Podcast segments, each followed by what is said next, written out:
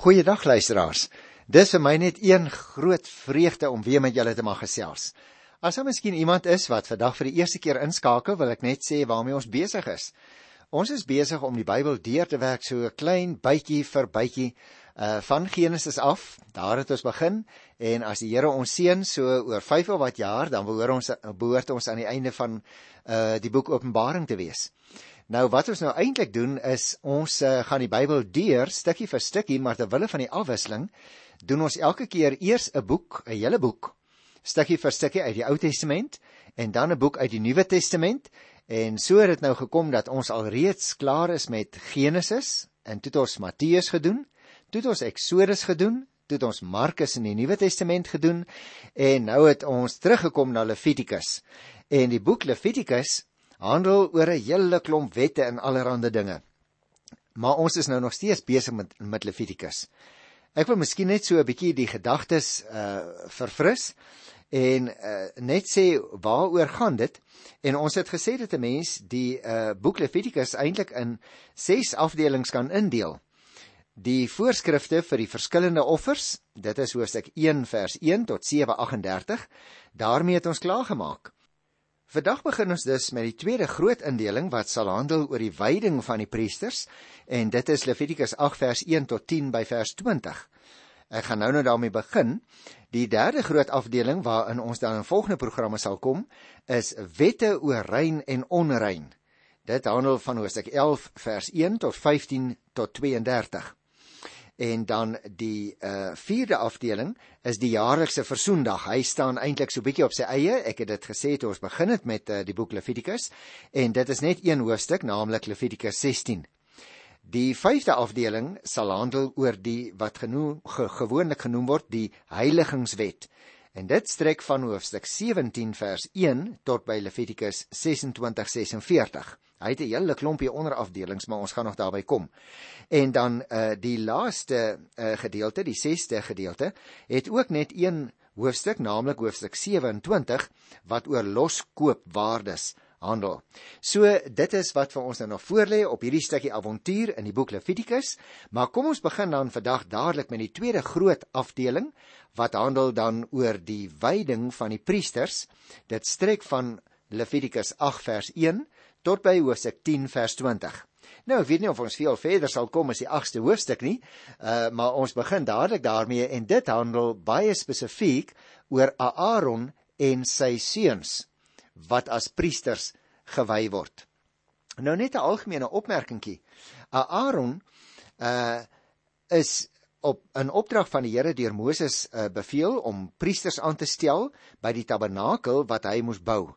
Levitikus 8 en 9 vertel dan vir ons hoe hierdie opdrag uh, wat Moses van die Here ontvang het uitgevoer is. Nou kom ons begin met die eerste 5 versies van Levitikus 8 en die opskrif hier in die Afrikaanse teks is die priesterwyding. Kom ek lees dit vir jou. Die Here het vir Moses gesê: "Laat Aaron en sy seuns na die ingang van die tent van ontmoeting toe kom. Bring die klere, die salfolie, die bul vir die sondeoffer, die twee ramme en die mandjie met ongesuurde brood en laat die hele gemeente ook by die ingang van die tent van ontmoeting bymekaar kom. Moses het die bevel van die Here uitgevoer. En toe die gemeente bymekaar was voor die tent van ontmoeting, het Moses vir hulle gesê: "Ek sal nou daartoe oorgaan om te doen wat die Here my beveel het." Nou luisteraars, vir die persone wat nou vandag vir die eerste keer luister, wil ek miskien net weer sê, uh ook vir ons ander luisteraars, uh onthou die tent van ontmoeting was 'n verskuifbare tentheiligdom. En die Here het dit vir hulle gegee as opdrag om dit te bou daar in die woestyn, juis omdat hulle nou uh, nomade was nie waar nie. Hulle het van plek tot plek versit en daardie uh, tog sou uiteindelik 'n hele 40 jaar lank duur. En daarom kon hulle natuurlik nou nie 'n vaste gebou met klippe of met stene oprig nie. En daarom was die tent van ontmoeting vir hulle op daardie stadium 'n baie baie belangrike ehm um, gebou wat dan van seil en van pale gemaak is. Ons het daaroor gesels, maar dit dit geld nou as die heiligdom in die woestyn. Nou as ek nou 'n bietjie moet gesels oor hierdie eerste vers uh vers 1 tot 5 wat dan nou handel oor die Here se opdrag aan Moses, dan sou ek die volgende opmerkings wou maak. Uh wanneer Moses uh die tent van samekoms en die priesters wy, doen hy net wat God hom beveel het om te doen. Hy hy hy sit nie 'n tree verkeerd in hierdie verband nie, want dit is nou baie belangrike aanstellings en wyding van die priesters wat dan nou die belangrike uh, werk hier by die tabernakel moet doen. Dit word soos 'n refrein herhaal in hierdie verse van hoofstuk 8. Ons gaan dit nog 'n paar keer hier teekom, byvoorbeeld vers 5 en 8 en 13, 17, 21, 29. So in 'n sekere sin moet ons nou baie goed verstaan, die priesters funksioneer juis rondom hierdie uh, tabernakel in die woestyn.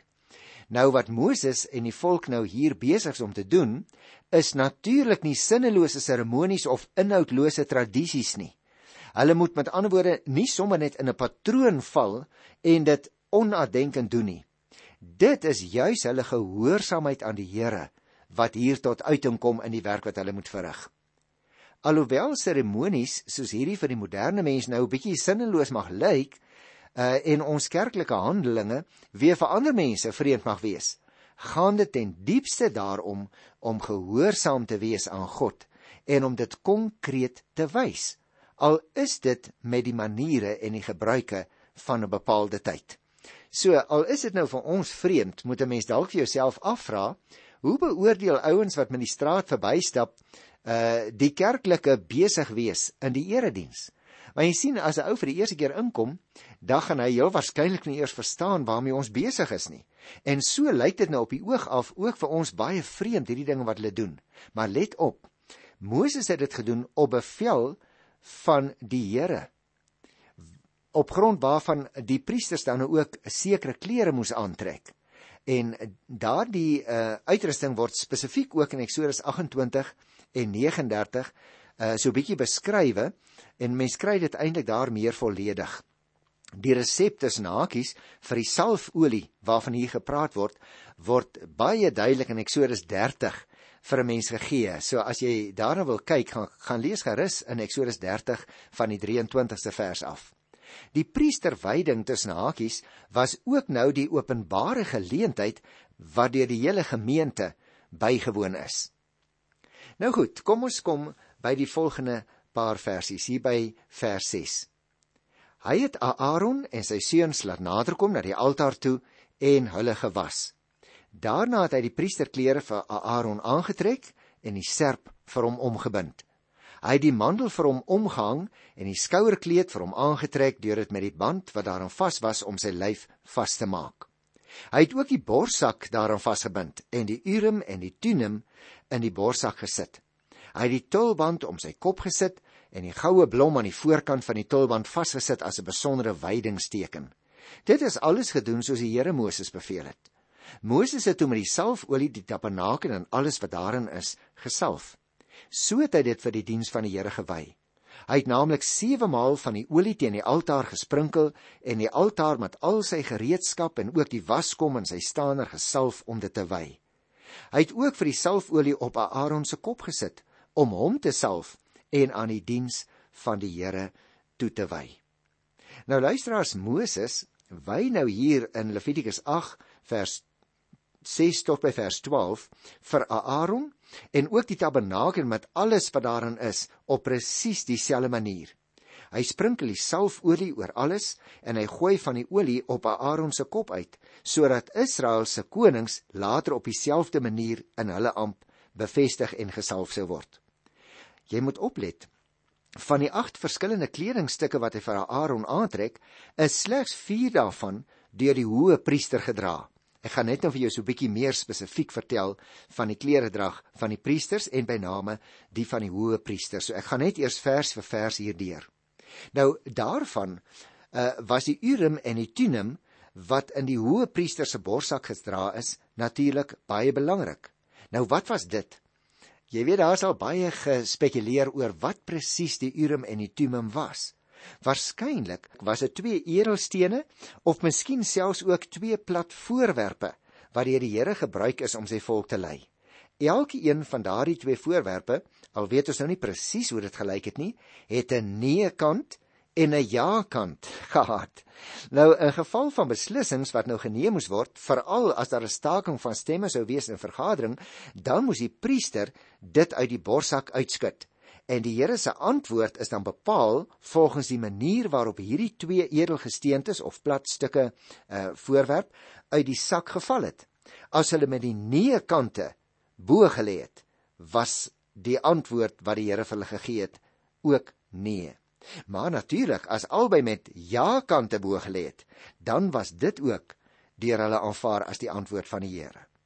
Die hoë priester moes natuurlik die volk van God volgens die wil van die Here lei. En hierdie voorwerpe is daarom aan hom toevertrou om sy werk te kon doen waarvoor die Here hom aangestel het. Dit is ook baie interessant luisteraars en dis opvallend vir my dat slegs Aaron gesalf is en nie ook sy seuns nie. Die hoë priester het met ander woorde ander verantwoordelikhede as die ander priesters gehad. Hy is net soos die voorwerpe in die tent van samekoms op 'n baie besondere manier aan die Here toegewy. Hy was die enigste wat toegelaat was om op die versoendag in die allerheiligste in te gaan om bo boete te doen vir die hele volk se sondes. Nou kom ons gesels nog so bietjie daaroor voordat ek na die volgende verse toe oorgaan want ek dink ek wil ook net byvoeg dat voordat Moses vir die priesters hulle spesiale klere kon aantrek, moes Aaron hulle eers gewas word. Nou dis 'n baie interessante ding, né? Dit was natuurlik om hulle te reinig.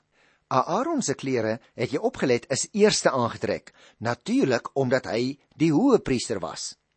Behalwe dat sy klere baie meer kleurryk was en ook duurder as die ander priesters se, het hy ook nog die borsak met die Urim en die Tumim daarin gedra. Dit het ons nou net gehoor is gebruik om 'n beslissing van die Here te kry.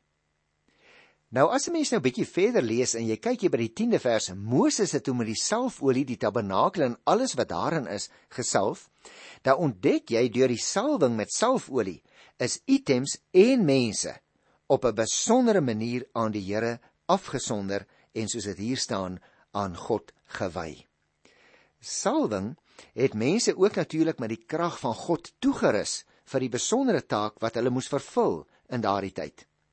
Moses het die altaar en die ander items ook gesalf, let op, deur sy vingers in die salfolie te druk en druppels daarvan oor die altaar en ander gereedskap te sprinkel. Hy het Aaron volgens die tradisie gesalf deur met die salfolie eers 'n merk, waarskynlik 'n kruisie, te maak op die hoëpriester se voorkop. En vir 'n soortgelyke lyke handeling kan 'n mens ook gaan lees in Esegiel 9, daar by die 4de tot die 6de vers.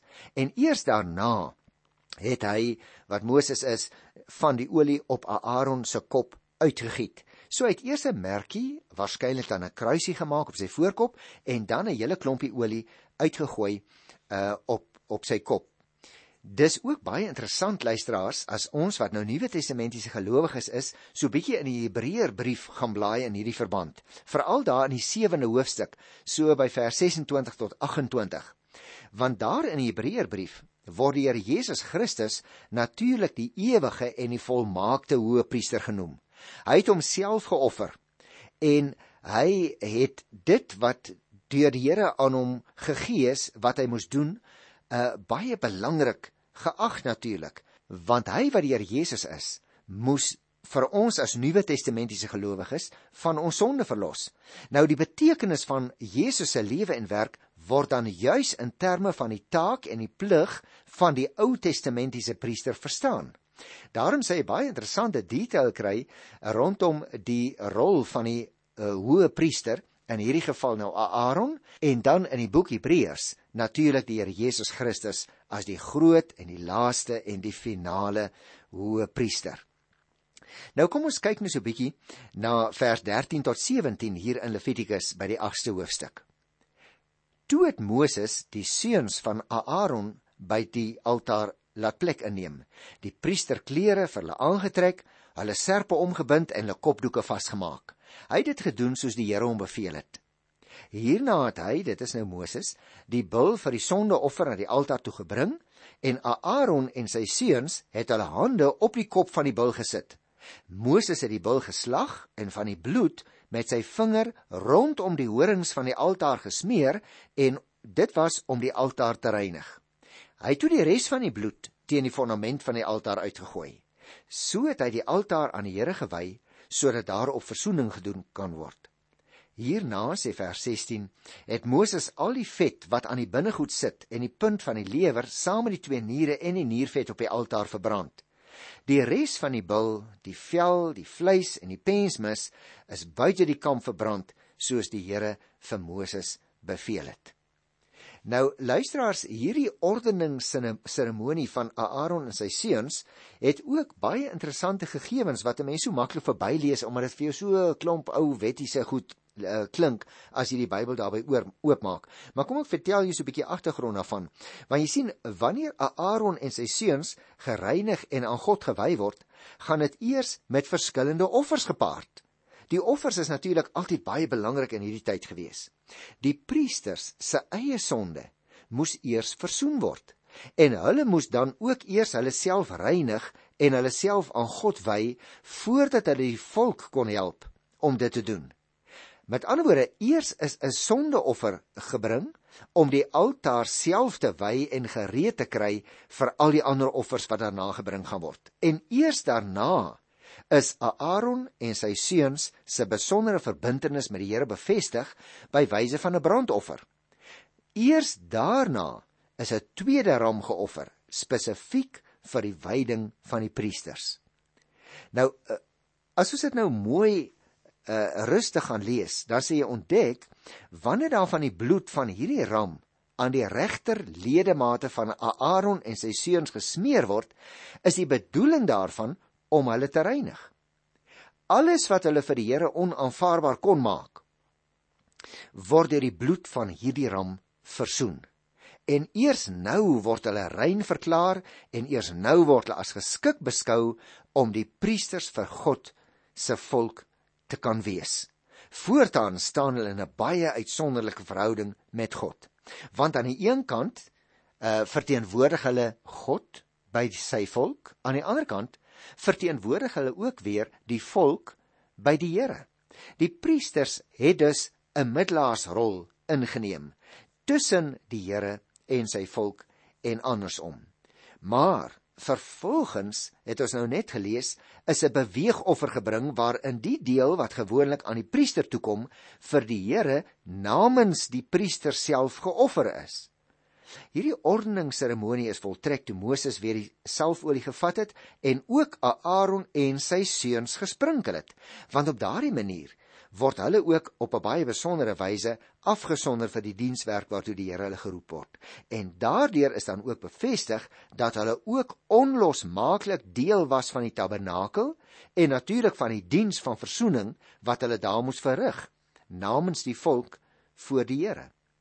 In die toegewydheid van Aaron en sy seuns word dan vir ons 'n voorbeeld vir die gelowiges gestel van daardie tyd. Hulle het alles gedoen wat die Here hulle beveel het om te doen. Hulle het geweet wat die Here wou hê, hoe hulle dit moes doen en wat hulle gesindheid moes wees. In ons eie priesterlike dienswerk in Christus moet jy en ek natuurlik net so gehoorsaam wees, net so toegewyd aan die Here wees soos daardie priesters van destyds.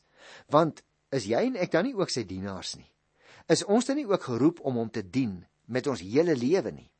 Jy sien luisteraar, ons toegewydheid aan God en ons gehoorsaamheid aan sy woord moet vir almal duidelik sigbaar wees.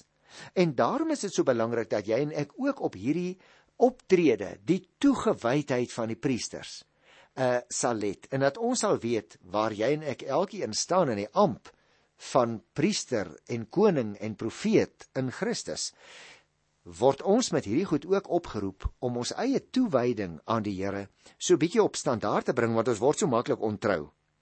Dis baie interessant dat wanneer mense hierdie gedeelte lees, jy ook opgelet het die gewone priesters is skynbaar nie gesalf nie. So lyk dit vir my as ek vers 13 reg verstaan, miskien moet ek dit net weer lees. Toe het Moses die seuns van Aaron by die altaar laat plek inneem, die priesterklere vir hulle aangetrek, hulle serpe omgebind en hulle kopdoeke vasgemaak. Hy het dit gedoen soos die Here hom beveel het. Maar jy let op dat daar niks staan dat hulle ook gesalf is nie. Wat ook belangrik is in hierdie verse wat ons gelees het, is dat by die eerste offers tree Moses as tussentydse priester op. Het jy dit al ooit opgelet? Want die Here het hom 'n baie spesifieke taak en 'n opdrag gegee. Op hierdie stadium was daar nie priesters nie. So die Here gebruik sy geroepe dienskneg, naamlik Moses, om die eerste hoëpriester en die eerste priesters te orden en te salf. Die eerste offer was dan gewoonlik die brandoffer en voordat die altaar gebruik kon word, het ons gesien Moses eers moes dit eers van enige besoedeling gereinig word deur daarop 'n sondeoffer te bring. En dit is dan ook die rede waarom die bloed van hierdie eerste sondeoffer vir die priester aan die brandofferaltaar gesmeer is en nie aan die voorhangsel of aan die reukofferaltaar nie. Nou ek het gesê ek gaan jou so ietsie van 'n klere drag vertel. Daar was baie streng voorskrifte vir die kultiese reinheid uh vir die priesterdiens wat deur die Here gestel is. Die priesterwyding het bestaan in 'n wassing, uh die aantrek van baie spesifieke klere vir die priesters. Daar was ook 'n reeks offers en natuurlik 'n 7-daagse verblyf in die heiligdom. Daarvan lees 'n mens juis hier in Levitikus 8. Die klere van die priesters was uh, gewoonlik 'n kort linnebroek met 'n lang rok met moue waaroor daar ook 'n gordel van dieselfde veelkleurige stof as die voorhangsel gebruik is. Die uh, kop van die oues dan bedek met die wit linnemus. Hulle het kaalvoet geloop tussen hakies. Maar kom ek vertel jou iets van die hoëpriester. Dis interessant. Die hoëpriester was natuurlik die hoogste kultiese beampte en later jare na die ballingskap het uh, by sy geestelike waardigheid ook nog bygekom die wêreldlike waardigheid waardeur hy geweldig in mag toegeneem het veral na die tyd van die ballingskap in die uh, Makabeer tyd is die hoëpriester en koningskap eintlik verenig in een amp en toe is besondere voorskrifte vir kultiese reinheid uh, wat op hom van toepassing was. Ons gaan nog daarby kom in Levitikus 21. Hy was natuurlik ook te alle tye geregtig om te offer, maar in die praktyk het hy slegs op die Sabbat en die feesdae voortgegaan uh, in die offerdiens in die later geskiedenis van Oud-Israel. Slegs hy kon die allerheiligste in die tabernakel en later in die tempel betree en ook net een keer per jaar op die groot versoendag wanneer hy die sondeoffer vir die volk daar voor die Here moes bring. Hy is op dieselfde wyse as die priesters tot die heilige diens gewy, behalwe soos ek net nou uitgewys is dat die hoë priester ook gesalf is anders as die ander priesters. Die hoë priesterlike kleding uh, was eintlik in teestelling van die eenvoud van die kleding van die priesters. Dit het naamlik bestaan uit die linnebroek en die rok wat die priesters ook gedra het met 'n korter kleed bo oor die rok wat ongeveer tot by die hoë priester se knieë gereik het. Dit was van pers geweefde stof sonder moue met 'n omgeboorde opening vir die kop en 'n onderste soem waarop granate was in pers en purperrooi en bloedrooi en ook in wit was dit uitgewerk so naby die soem. Aan die soem self het klokkies en granaatjies van van goud gehang, uh, wat met elke beweging van die hoë priester natuurlik geklink het. Ook hierdie mantel het die skouerkleed uh bo oor ge gehad en dit is 'n linne skort uh uit gouddraad in perspurper, karmosyn en wit stowwe geweef met 'n gordel van dieselfde stowwe en twee skouerstukke wat oor die skouers geloop het agter die rug aan mekaar vasgewerk. So jy sal dadelik besef dat die uh hoë priester 'n geweldig indrukwekkende uh persoon moes gewees het, veral as hy sy volle mondering aangehad het, ook nog met sy hooftoesel daarbey. En veral op die versoendag, die groot versoendag, wanneer hy die gewone priesterklere ehm um, gedra het uh wat vir hom ook weer nederig gebring het by die mense en by die geleentheid was hy geklee in 'n eenvoudige linnekleed met 'n linnegordel om aan te pas by die verootmoediging wat op die groot versoendag vir hom ook van pas was. Nou luisteraars, vir jou en vir my klink al hierdie geweldig indrukwekkende uitrusting van die hoë priester en dan die uh, meer eenvoudige klere van die priesters dalk so bietjie oorbodig. Uh dit klink dalk self vir ons oorbodig hoe dat hulle met olie gesmeer is uh en afgesonder is aan die Here. Maar dit wil vir ons een ding sê. Ek, die Here, julle God, is heilig. En die wat in my diens staan, moet ook afgesonder wees. Daar is sekere dinge wat hulle moet agterlaat in die wêreld omdat hulle net aan my gewy moet wees. En ek wil vir jou as Nuwe Testamentiese gelowige vra, lewe jy ook 'n lewe van toewyding aan die Here? Of is dit maar net vir jou 'n gebruik om kerk toe te gaan en die eredienste sit, maar jy laat nie toe dat die Heilige Gees regtig nog insny in jou lewe nie? Na aanleiding van dit wat ons vanmôre hier by die priesterwyding geleer het in Levitikus 11 wil ek graag vir jou ten slotte een vraag vra. Het jy regtig ontsag vir die heiligheid van die Here? Kom jy ook in sy teenwoordigheid met heilige eerbied? Want onthou, hy is die Here. Dis hy wat vir jou en vir my uit genade gered het. Kom ons lewe dan in toewyding aan hom. Ek groet jou in die wonderlike naam van die Here tot volgende keer, so die Here wil. Tot dan. Totsiens.